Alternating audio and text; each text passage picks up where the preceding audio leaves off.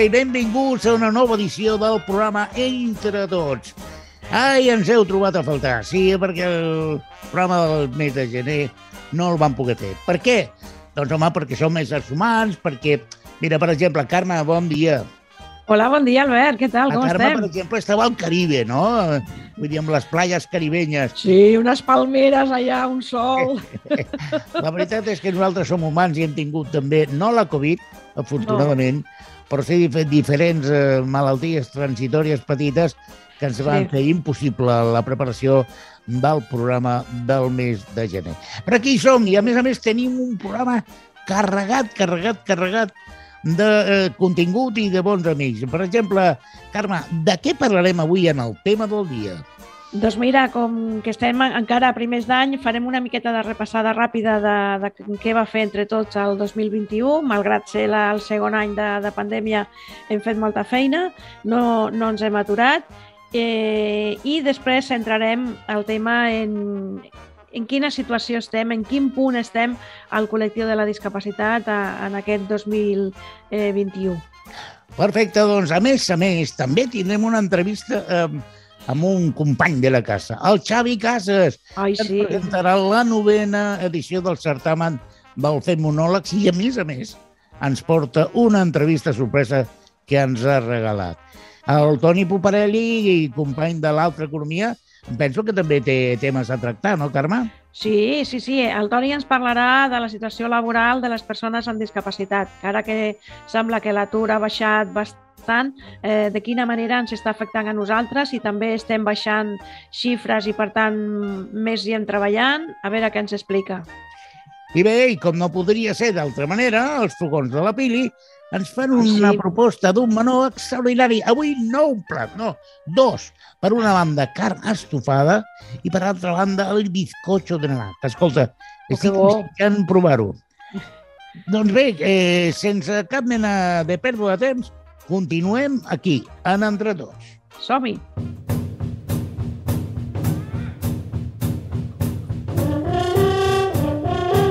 Bé, doncs comencem mm, amb el tema del dia, que la Carme ens proposava coses molt interessants.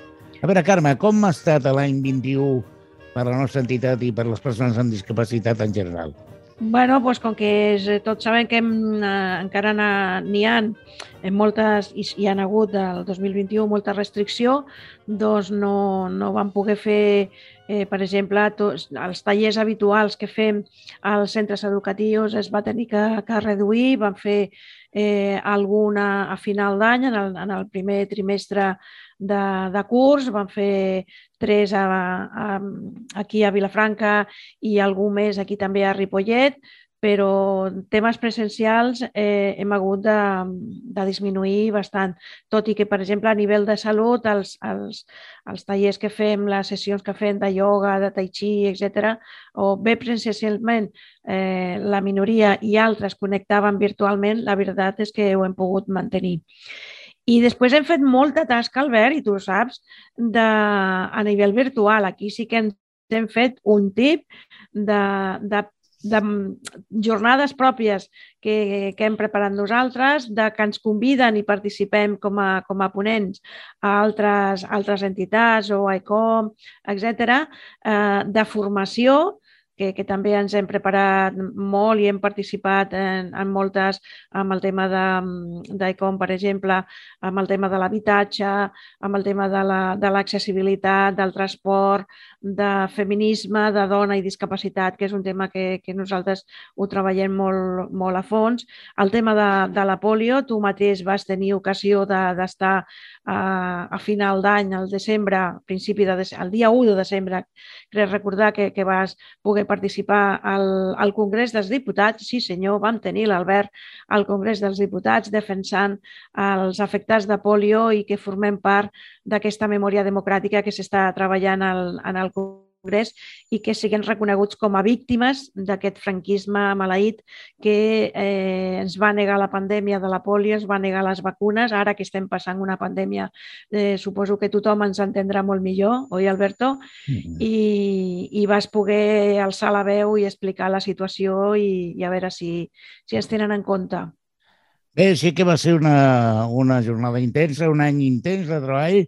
Treball potser no al carrer, però sí darrere de la pantalla i utilitzant les xarxes socials i les noves vies de comunicació per treballar-hi. Però, com deia la meva àvia, agua passada no mueve molino. Oh, i tant. tant. El que s'ha fet el 21, eh, en allà està, però l'any 22, Carme, és un any que, que penso que ens sí. ho hem de prendre molt seriosament perquè poden sí. passar moltes coses, veritat? Sí, sí, sí. És un any que de, de, de renovació. Sembla ser que estem eh, sortint, si tot va bé, d'aquesta maleïda pandèmia, que, que podem eh, començar a participar d'una manera més activa i presencialment i, per tant, tenim objectius que, que ens hem marcat. A més, és, és, un, és un any de, de, una mica de renovació per exemple, pues, eh, a nivell intern, a, dintre d'entre tots, estem eh, pues, motivant i, i activant el que la gent eh, s'impliqui i, i això que diuen sempre aquí a la ràdio de que busquem còmplices, pues, mai millor dit, no? però còmplices eh, que disposats a, a remengar-se una miqueta, com diem nosaltres, i que es posin a treballar, no? perquè tenim molta feina i, i convidem, sobretot gent jove i no tan jove, a, a que s'impliqui i, que, i que tots plegats fem la feina. A nivell de, de la Federació ECOM, que nosaltres som una entitat federada amb ECOM, també aquest any hi ha renovació de, de, de, de Junta, n'hi haurà eleccions el mes de maig i, per tant, també estem en un, un, un, una fase de renovació. Esperem que tot surti bé que tot sigui per treballar mm, més i millor, perquè estem en una situació, Albert, no sé com ho veus tu, com de d'una calma xitxa, no? de, que sembla que les entitats que ja estan funcionant des de fa molts anys, 30, 40 anys, de quan en la nostra època que, que van començar de jovenets, eh, i, i va haver una expansió i una obertura amb el tema de la discapacitat i tot el moviment associatiu, sembla que això s'ha estancat una miqueta i, i això l'hem de donar una volta i, i avançar. Exacte, Carme, perquè a vegades tenim la sensació de que la feina ja està feta i que, i que veiem moltes enganxines amb el símbol de la cadira i, sí. i pensem doncs, que ja està i que tot és fantàstic i no, no és veritat. No és veritat i, i, i hi ha molta feina a fer. I algú sí. ha d'empènyer eh, doncs, eh, el carro, i mai millor dit, perquè la cosa tiri endavant. I la nostra entitat, modestament, i sobretot aquest programa el que intenta és, doncs, primer informar, però sobretot provocar, provocar reaccions perquè la gent col·labori i participi en transformar la nostra societat, la nostra vila, el nostre país i, per què no, també el nostre planeta. Exacte. Vaja, vaja. És a dir, que tenim eh, per davant molta feina, però coses més concretes, Carme, també tenim més feina a fer el 22, perquè a mi m'està agafant una mica de por. No, home, no, no t'espantis, no t'espantis. no, però, per exemple, a nivell estatal sí que el, el tema avança. Per exemple, a final de, del 21 al setembre va entrar en vigor la, la nova llei 8 barra 2021 de suport i, i de apoyo en, en castellà a les persones amb discapacitat. Aquesta ho hem parlat en, en altres eh, programes, la, la companya Sole ens informa molt bé eh, bueno, està marcant un abans i un, i un després. No? Per exemple, la eliminació de la incapacitació legal de les persones amb discapacitat i que tots tinguem el dret de decidir per nosaltres mateixos com volem viure i en qui volem viure, això és molt important. I a més a més aquesta llei és una de les poques que s'haurà de complir sí o sí, perquè, com bé explicava la Sole en la secció de la toga, per cert, un petó molt fort, Sole, sí. perquè la tenim una miqueta eh, malaltona, diguem-ne que s'està recuperant, eh? Eh, perquè no, no la, avui no la podem tenir, però sí que és veritat que ella sempre ha explicat que aquesta llei força important doncs és més que res un procediment, la qual cosa vol dir que no és només l'aplicació d'una normativa, sinó que és un procés. És a dir, ningú sí. podrà, no podrà fer altra cosa que el que marca el procediment legal. I això és un tema molt important. I a vegades aquestes lleis que passen desapercebudes al voltant nostre, doncs, eh, que són molt importants i que canviarien radicalment el món de les persones amb discapacitat, doncs no es compleixen, com per exemple una llei que hem anomenat moltíssimes vegades, que és la 1 barra 2013, que uh -huh. parla, entre altres coses, de l'accessibilitat universal i que, mm, bueno, no cal ser molt espavilat per adonar-se que ni molt menys s'ha complert. Però no només lleis estatals, perquè aquí crec que a Catalunya tenim algunes mancances també importantíssimes sí, no? a l'hora de sí. no portar a terme lleis. Doncs sí, de, eh, una abraçada molt gran a la companya, a la, a la Sole, i ja l'estem esperant en candeletes pel proper programa. Però sí, sí, ho hem de, ho hem de dir, ho hem de dir alt i clar. El, aquí a Catalunya el govern de la Generalitat, malauradament, ens està donant llargues, ens està donant llargues en, en aspectes tan seriosos com és el tema de l'accessibilitat, el decret de l'accessibilitat, la, la llei d'accessibilitat a nivell autonòmica està aturat a la, al, al Parlament des del 2015 i això no, no, no pot ser així. Així és molt complicat avançar, és molt complicat fer complir la, la Convenció de Nacions Unides, que és d'obligatori compliment. Estem parlant d'un tractat internacional ratificat a nivell estatal des del 2008 i no s'està fent tota la feina que, que s'hauria de fer. I a més a més, això no té res a veure, Carme, amb el mm. color polític, perquè podria pensar no, qualsevol oient no que el que diem això perquè som d'un color o d'un altre. Malauradament, no. malauradament, mm. a tots els colors et pinten igual per nosaltres, que és el negre. Sí. És sí, el negre. Exacte. La veritat. Sí, sí, sí, sí, sí. Que no és pas clar, una, estem... un comentari polític en no, contra no. d'algun partit o a favor d'un altre. No és en contra d'un color o de l'altre, és igual, és igual. Malauradament hi ha aquesta, per això et parlava d'aquesta calma xitxa, perquè sobretot aquí a nivell estatal la veritat és que estem eh, molt aturats, perquè tenim aquest decret d'accessibilitat aturat, però és que tenim un altre també no menys important, com és el de l'autonomia personal. Eh, és un programa eh, que, que des de fa vuit anys és un programa pilot que, que es va començar a treballar a l'Ajuntament de Barcelona, que ja hi ha un número d'unes eh, 50 i pico persones que, són, que tenen ja un assistent personal. La diferència entre un assistent personal i una, i una, i una ajuda a domicili, que és el que dona majoritàriament als ajuntaments eh, a nivell local, és que tu decideixes qui és aquesta, aquesta persona que, que tu tens a casa que t'ajuda eh, i que tu decideixes qui és la persona i en què tu vols que, que t'ajudi o necessites que t'ajudi. I això ve tramitat a través de, està recollit a través de la llei de la dependència i és un dret que, que en tenim. A nivell, estat, a nivell estatal va funcionant, però a nivell de Catalunya tenim també un decret que fa tres anys que arrosseguem i que no acaba de sortir i si no tenim un decret aprovat difícilment tindrem una dotació pressupostària. Aquí el tema de l'assistència la, personal és un tema tan important i de tan eh, envergadura, que dirien sí, els castellans, sí. que penso que, Arma, que hauríem de dedicar-li un tema del dia en sí. propers programes en aquest tema i portar algun convidat que ens parli de la importància que té aquesta ajuda personal hi ha més coses perquè jo tinc una petita informació, bueno, sí. tan petita, que donar sí. a nivell local a Ripollet el, el passat ple del mes de gener es va aprovar i constituir per fi la taula de les persones amb discapacitat. Home, dir, home. Ja està aprovada per ple, la home. qual cosa vol dir que ja som legals, les persones que hi treballem colze a colze per millorar el nivell de, de condició de Ripollet per les persones amb discapacitat. Eh, segurament en propers programes... Ja tocava, eh... perquè fa gaire sí. tres anys que estem lluitant per això, eh? Vull la veritat que... és que sempre des del primer moment hem treballat molt i uh -huh. molt fort amb companys i companyes de, de Ripollet, però ara ja per fi serem legals uh -huh. i això vol dir que encara hauríem de tenir més força i portar a terme ja més importantment o més, amb més contundència campanyes eh, al nostre poble.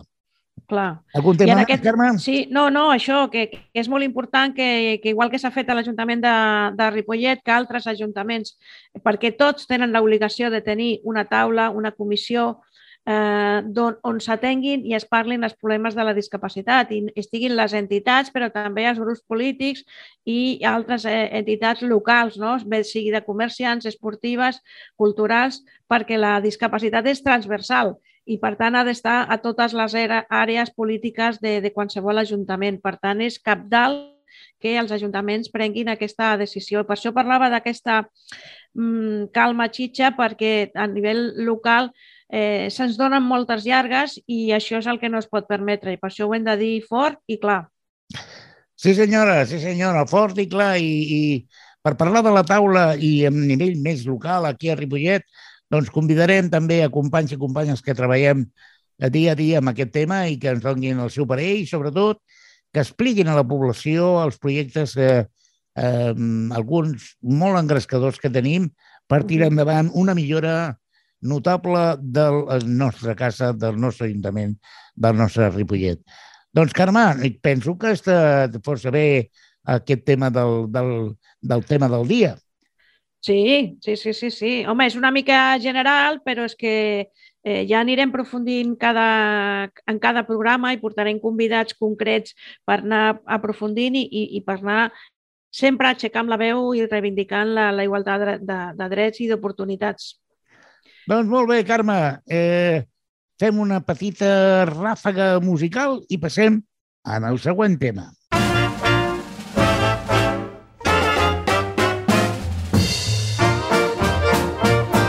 I ara truquem a un company i amic, el Xavi Casas, que ens parlarà de coses interessants.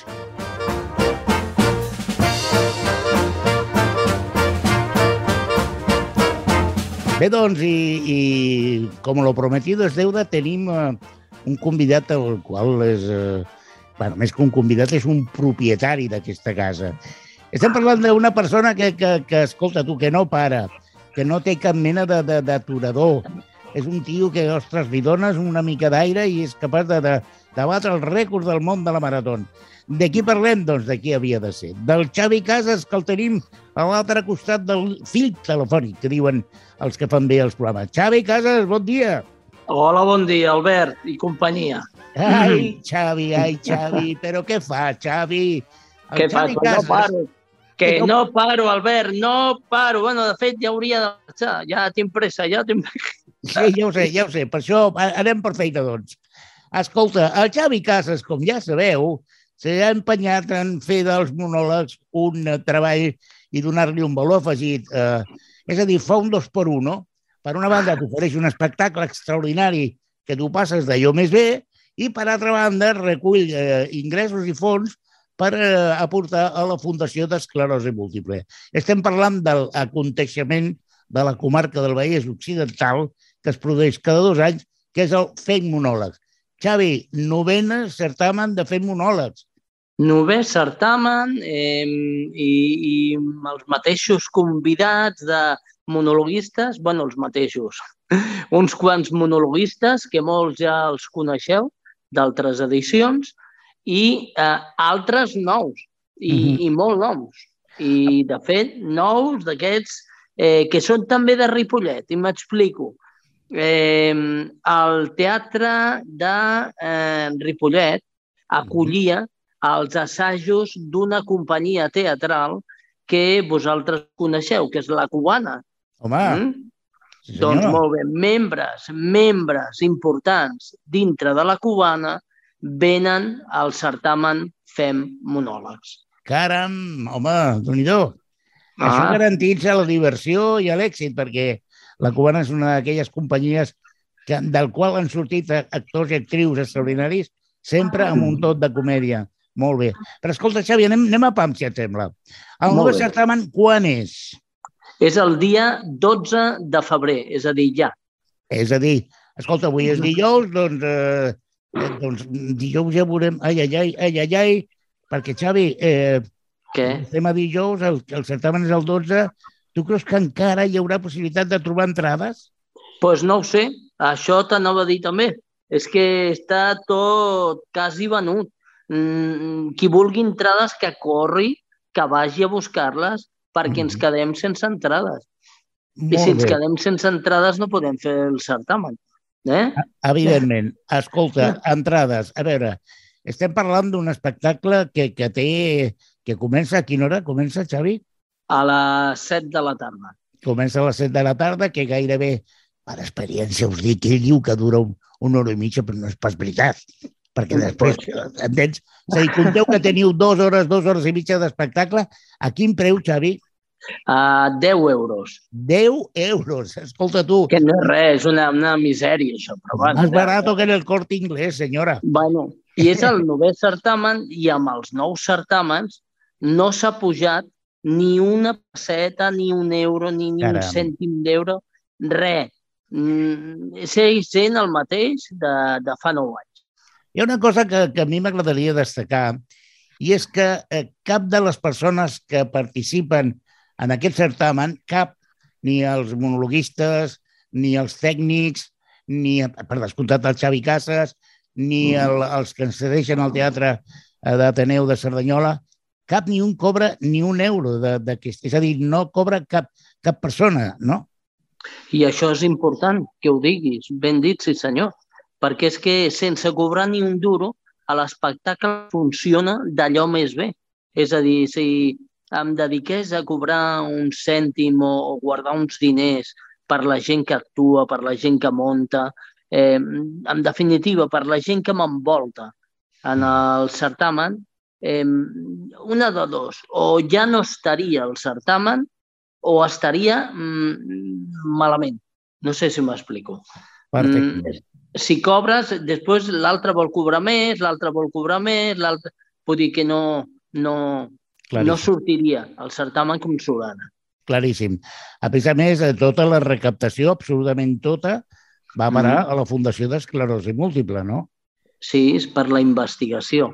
És una malaltia que encara és molt desconeguda, eh, tot i que ja comença a ser una miqueta, perquè jo he sentit una notícia que han trobat d'on venia l'esclerosi múltiple, Uh -huh. però bueno, jo com soy muy escéptico i no m'ho crec, saps? Bueno, Mm. doncs, doncs, Xavi, escolta, fem una mica de repàs. El dissabte 12 de febrer, a les 19 hores, al Teatre Ateneu de Cerdanyola, novena edició del FEM Monòlegs. Escolta, si, en, si em dóna molta presa, a on podria comprar l'entrada, si encara n'hi ha? Mira, carrer Lluís Companys, 10, a la botiga Anscar Tattoo Piercing. Mm -hmm. Anscar, que és un amic i company i un dels culpables també eh, i col·laborador d'aquest certamen, no? Per això et dic que és que la gent que participa eh, d'organització d'aquest certamen no cobra ni un duro i són gent pues, com tu i com jo, eh, abiertos, abiertos, que no, no volem calés, només volem la satisfacció de muntar això. Doncs eh, es veu. A més a més, eh, si mai heu anat al certamen, si sou dels pocs, dos o tres que queden a la comarca que encara no heu anat, és, ja esteu fent tard, eh? perquè paga la pena anar-hi. Escolta, Xavi, eh, tu no cobres res per fer, ni els monologuistes tampoc, però nosaltres el programa Entre Tots sí que cobrem. Ho sento Ah, ah, molt però hauràs de Molt pagar. Doncs hauràs de mira, pagar ja perquè em consta que tens eh, una entrevista que has fet molt interessant i que ens vols regalar. És veritat? Doncs ràpidament, sí senyor, i ara mateix us la regalo, us la dono.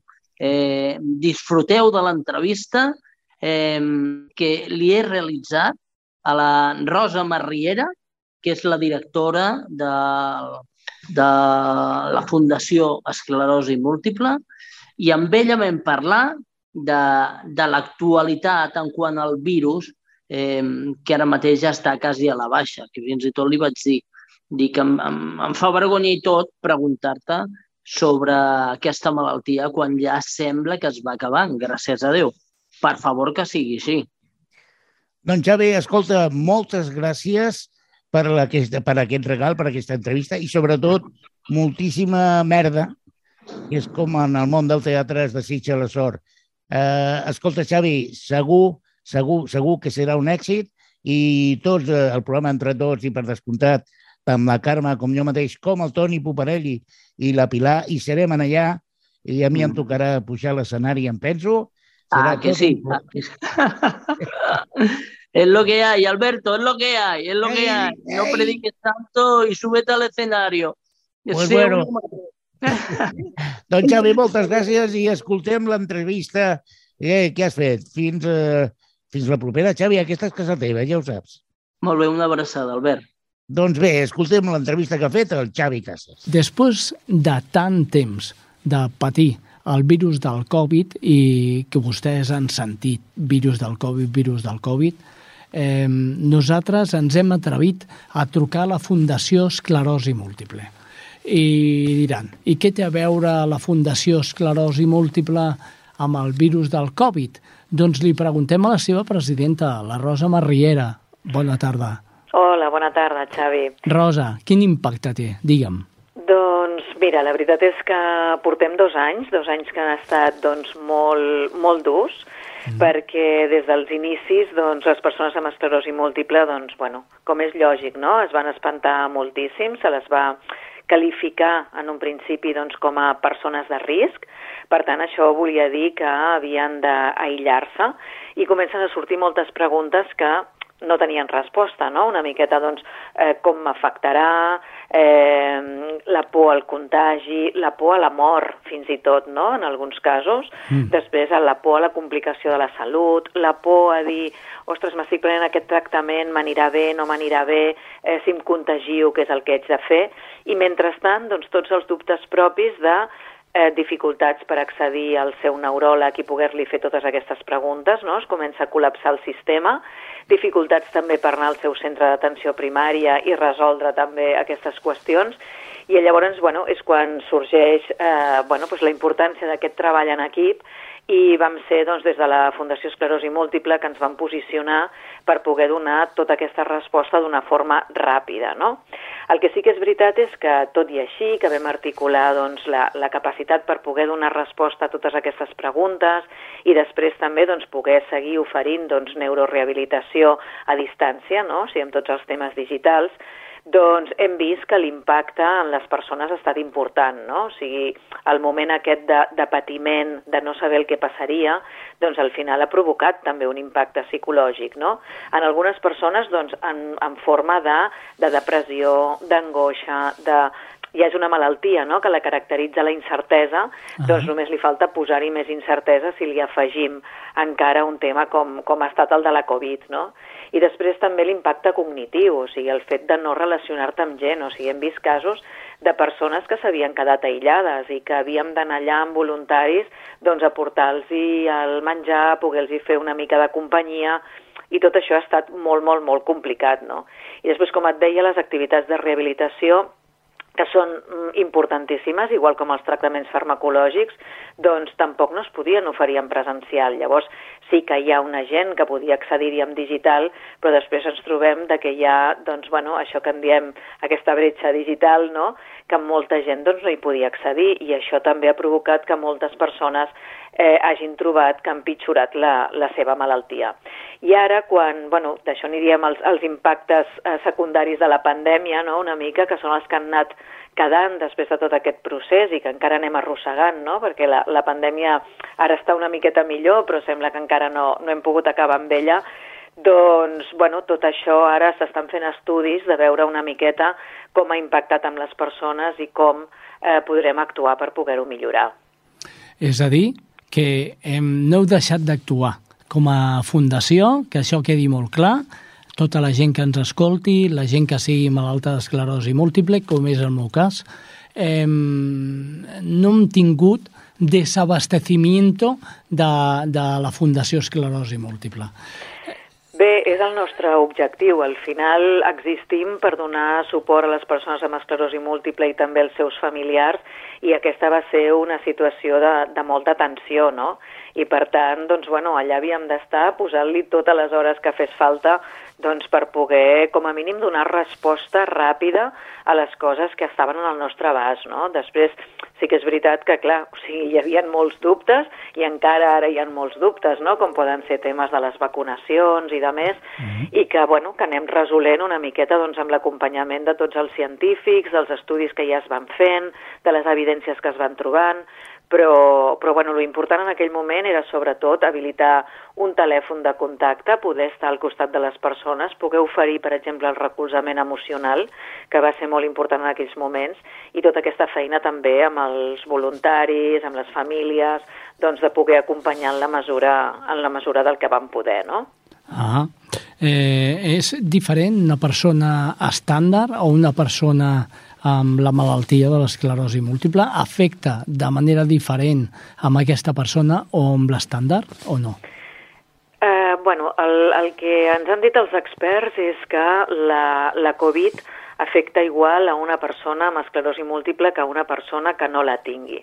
El que sí que és veritat és que eh, s'ha d'anar amb compte, doncs, per exemple, les persones que estan prenent tractaments immunosupressors, mm -hmm. doncs, eh, sobretot, doncs, mm, s'havia de vigilar una miqueta més, tot això s'havia de controlar molt amb els neuròlegs, no? doncs, de veure en el moment de, de que se'ls havia de tornar a aplicar el tractament, doncs, en quina situació estaven.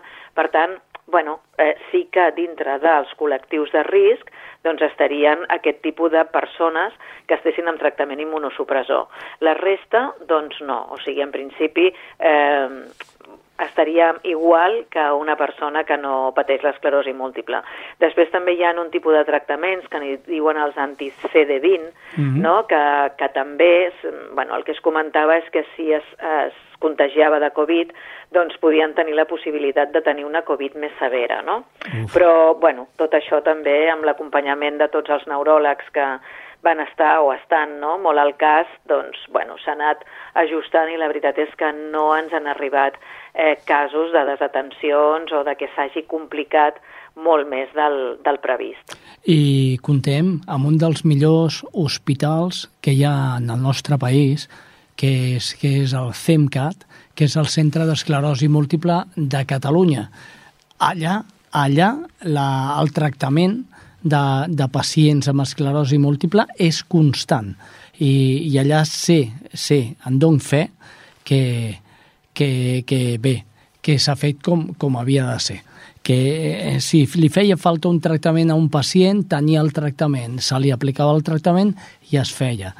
Eh, pues ja està. Rosa Maria Marferrer, gràcies. Sobretot, moltes gràcies per atendre la nostra trucada i esperem que no ens haguem de sentir com a mínim fins d'aquí a, a molt temps, fins a la propera. Esperem, esperem. Moltes gràcies a vosaltres. Gràcies, Rosa. Adeu, adeu. adeu.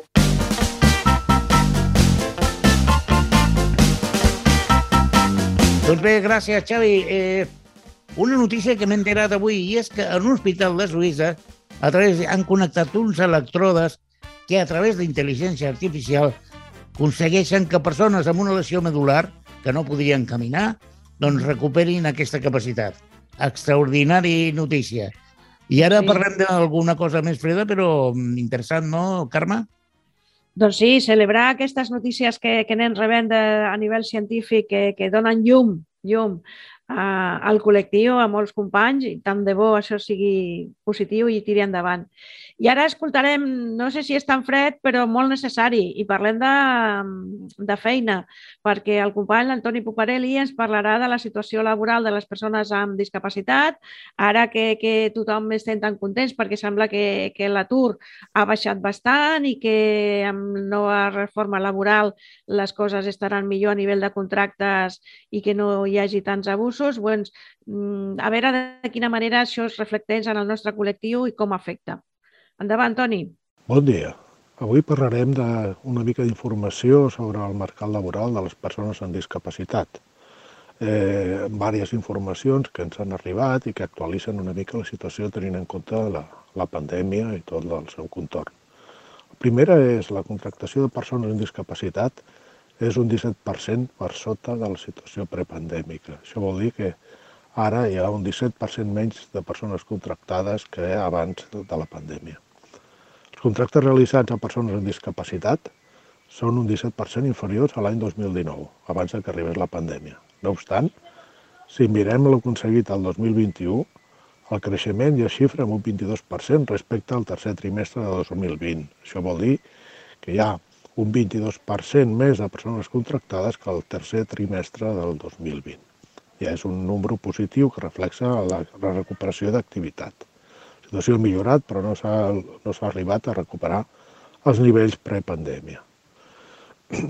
El col·lectiu de persones amb discapacitat representa el 6,2% de l'esforç laboral del nostre país, més d'un milió 800.000 persones.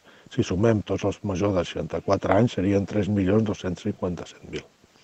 L'any 2020 es van destruir més de 100.000 contractes a persones amb discapacitat, un 30% menys que els registres de l'any precedent, sigui, això vol dir que es va destruir un 30% del mercat laboral. I va representar el trencament de 7 anys interromputs del creixement.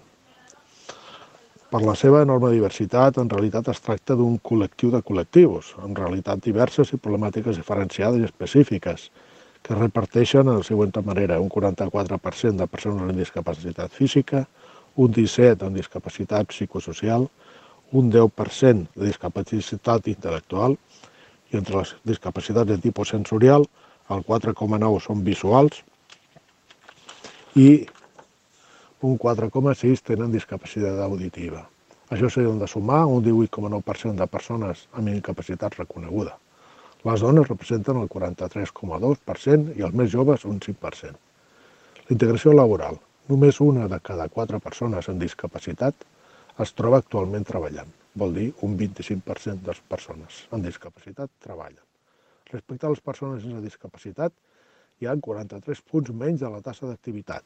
Això vol dir 43 43 punts absoluts en diferència amb el mercat de les persones sense discapacitat, un 41 punts menys en la tassa d'empleo, de treball, i fins a 9 punts per sobre la tassa d'aturament, d'atur. Condicions laborals. El 90% dels contractes a persones amb discapacitat són temporals i la tassa de baixa intensitat laboral. La persona ha treballat menys d'un 20% del seu potencial de temps, és d'un 24% enfront del 9,9% entre la població sense discapacitat.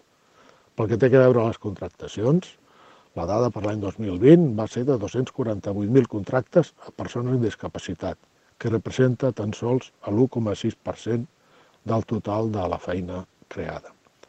Aquestes xifres suposen un 30% menys de contractes comparats amb el 2019. Per que respecta als salaris, les persones amb discapacitat són un 16% més baixos que la resta de la població. Les persones amb discapacitat tenen un sou bruts anuals mitges de 20.574 euros, és dir, quasi 4.000 euros menys a l'any que una persona sense discapacitat. Pel que té a veure els centres especials de, de treball, representen el 34,9% dels contractes realitzats, 87.000 en el darrer exercici. I encara no, no queden al marge de les devastadores conseqüències. Les dades semblen evidenciar que han sabut eh, mantenir amb menors pèrdides de, de treball als centres especials de treball.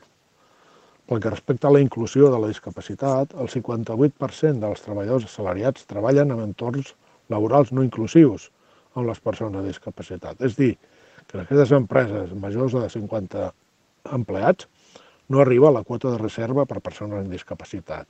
Aquest factor no només alerta de la necessitat de garantir el compliment de la quota, sinó que també incideix en la normalització de la discapacitat amb el teixit laboral. Pel que té a veure al nivell formatiu, en quant a la formació de les persones amb discapacitat, la distància a la població general és encara notable. Així, tan sols un 17% tenen estudis universitaris, enfront del 36% de les persones sense discapacitat. Igualment, quasi el 5% no tenen estudis front a un percentatge inferior al 0,5 a les persones sense discapacitat. Pel que té a veure la tassa de pobresa, la tassa de risc de pobresa exclusió social, amb una discapacitat és del 33,8, quasi 6 punts per sobre de la població general. A més, tenir empleo no evita el risc d'exclusió social, és dir, entre aquelles persones amb discapacitat empleades, la tassa es posiciona amb el 19,9%, posant de manifest la precarietat de l'empleo que es destina al col·lectiu. Quan a prestacions, el 31,9% de les persones amb discapacitat amb laboral no reben cap ajuda. Per qual que té a veure els autònoms amb discapacitat, Eh, una bona notícia és que l'any 2021 ha pujat, ha crescut. La Tesoreria General de la Seguretat Social revela que van augmentar els treballadors autònoms amb discapacitat igual o superior al 33% a l'any 21. Amb el canvi d'any ja es comencen a conèixer alguna de les dades relatives als treballadors del 2021. De fet, la Tesoreria General ha comunicat que l'any passat van augmentar amb un 4,1% els treballadors autònoms amb una discapacitat igual o superior al 33%.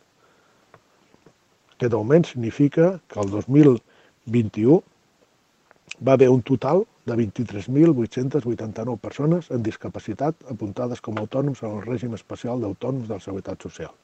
Per tant, si comparem aquesta xifra a l'any anterior, s'han ha crescut de 958 treballadors, quasi 1.000 persones.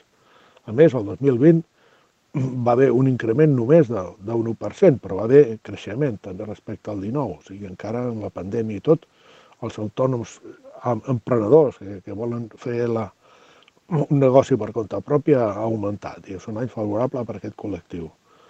22.000 treballadors autònoms amb discapacitat, dels quals 15.000 són homes, i el 63%, i 8.700 dones, el 36%. Aquestes dades mostren que encara és notòria la diferència entre sexes, ja que les dones amb discapacitat representen menys del 40% del total de treballadors autònoms amb discapacitat. Igualment, també reflexen una tendència a l'alça de buscar a través de l'empreniment laboral la inclusió en la, en la societat i reduir l'impacte negatiu que està sofrint el col·lectiu per culpa de la pandèmia produïda pel Covid-19. Una altra informació, aquesta que ve del, del punt avui, diu que la taxa d'ocupació del col·lectiu de persones amb discapacitat augmenta el, el 2020 ja situa amb el 28,5% a prop de 6.000 persones contractades, que ve a confirmar la informació que hem donat abans. No? En plena pandèmia, quan les xifres d'aturats en ERTO han fet caure en picat les dades d'ocupació al país, es donen a conèixer les dades del mercat de treball, que van créixer en dècimes en 28,5%, en 7, 7 dècimes. Segons les dades de l'Institut d'Estadística de Catalunya, la taxa d'ocupació assolida per a aquest col·lectiu encara queda lluny de la població sense discapacitat, gairebé del 70%. El nombre d'ocupats amb discapacitat va créixer a 5.800 persones aconseguint un lloc de feina. El perfil dels contractats eren principalment homes i del grup d'edat de 16 a 44 anys. La xifra revela que el 93% d'aquesta població ocupada en discapacitat és assalariada, vol dir que és un increment del 5 dècimes respecte al 19. D'aquesta, el 78% contracte indefinit i el 76,4% de les persones amb discapacitat treballen a jornada completa i el 82% ho fan al sector serveis. A Catalunya hi ha 121.800 persones amb discapacitat, 5.100 persones més actives que el 2019 que estan treballant o que continuen buscant feina. Les xifres del mercat de treball de les persones amb discapacitat són en general positives, però les del sector de discapacitat intel·lectual alerten que el seu cas decreix, baixa un 1,5%. I que en aquests col·lectius el que continua tenint més dificultat són aquest col·lectiu de persones amb discapacitat intel·lectual per trobar el món laboral i la pandèmia encara està sent més dur per a les persones per accedir a les empreses en el moment actual, que també tenen, tendeixen a reduir plantilles encara resulta molt més difícil de trobar lloc de feina per persones d'aquest subcol·lectiu o col·lectiu de les persones amb discapacitat intel·lectual. El repte és que moltes d'aquestes persones, amb el suport de les entitats socials, puguin fer el pas per accedir al mercat ordinari. La pandèmia ha empitjorat molt aquesta situació. Prou d'un 10% de persones amb discapacitat amb problemes de salut mental ocupades en l'empresa ordinària van perdre la feina el 2020 encara que hi ha hagut alguns exemples que van augmentat. Per exemple, la Fundació MAP, que davant de la urgència de fabricar ventiladors, ventiladors per respiració artificial, van ocupar més persones en el creixement i va, va, crear, va crear feines. I també empreses eh, com hotels i algunes que eh, persones amb discapacitat han entrat dintre del, del cupo de persones amb, amb ERTO. No? Això és important. També s'ha de fer una frase de les famílies independents amb, amb dependents a càrrec, persones amb discapacitat a càrrec, que per ells està sent molt dur, sobretot perquè s'han de fer càrrec, que molts no poden acudir a la qüestió de feina, inclús durant tota la pandèmia, porten dos anys molts sense poder treballar, sense poder sortir, per sobretot en el món de la discapacitat intel·lectual, que no poden sortir, han d'anar acompanyats, i que representa molta dificultat, a part que tenen una incidència forta i important en aquest tema. I per últim, dono una informació de, de servei, podríem dir, una mica, eh, que la Seguretat Social, els seus portals d'internet, estan facilitant més la vida a, a les persones i, i per ende a totes hem de donar gràcies també a que la pandèmia, entre cometes, afavorit el poder fer més tràmits a distància i molts d'ells sense requisit de certificat digital o cosa per l'estil. Han trobat la manera, el mecanisme de poder certificar d'alguna manera que la persona que està demanant una prestació o informant-se sobre la mateixa no tingui que, que, que anar a buscar un certificat digital no sé sap on, instal·lar-lo, tot el que representa, i a través de mecanismes més senzills es pot aconseguir demanar, com a mínim, demanar prestacions, per exemple, demanar la pensió, veure com està el seu procés, i això afecta a totes les persones, no només a les persones amb discapacitat, encara que aquest col·lectiu, pel seu, sobretot els que tenen discapacitat física, de mobilitat i de més, agilitza molts tràmits i simplifica una mica això, que això tot sigui benvingut també, aquesta, aquest pas que s'ha donat compte de que era important també per les persones sense discapacitat i això és per tots. O sigui, per tant, podem fer més tràmits a distància i, i això crec que aquestes millores han vingut per quedar-se i és important per, per tots. Acabem amb una notícia una mica positiva d'això. Molt bé, moltes gràcies i fins al proper programa.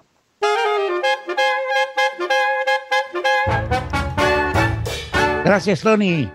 I com última secció, els fogons de la Pili, que ens deixarà dues receptes extraordinàries.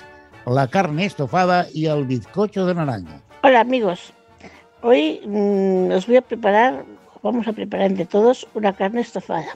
Es fácil de hacer, entonces no creo que tengamos ningún, ningún problema. Eh, os voy a dar los ingredientes. Eh, tres cuartos de carne de ternera trocitos, más o menos cuadraditos, todos iguales. Dos cebolletas medianas picadas. Un diente de ajo o una cucharadita de ajo molido. Aceite, caldo de carne, vaso de vino tinto, sal, dos zanahorias, patatas, laurel y, pimi y pimienta. La elaboración. Picar bien las cebolletas y en una cazuela echar unas cuatro cucharadas de aceite y el ajo laminado. laminado. Cuando mm, veamos que el aceite, o sea, el aceite está como mmm, chispeante, echar la cebolla. Dejarlo, bajar el fuego y dejar que se haga la, la, cebolleta poco a poco hasta que esté casi, casi, casi deshecha. Es que sale, sale mucho más rico luego todo. Eh, una vez así que ya está deshecha, introducir las zanahorias, que las hemos cortado también a, a daditos, para que todas más o menos iguales, para que se hagan pronto. Subir el fuego y echar un poquito del caldo de carne que tenemos apartado. Yo el caldo de carne a veces lo compro hecho y a veces lo, lo, lo hago yo con, pues con un poquito de, de, de carne de, de, ternera y un poquito, unos huesos de pollo o algo así, ¿vale? Bueno, eh, una vez que, que, está todo, subir el fuego y echar el poquito de caldo para que se hagan las zanahorias.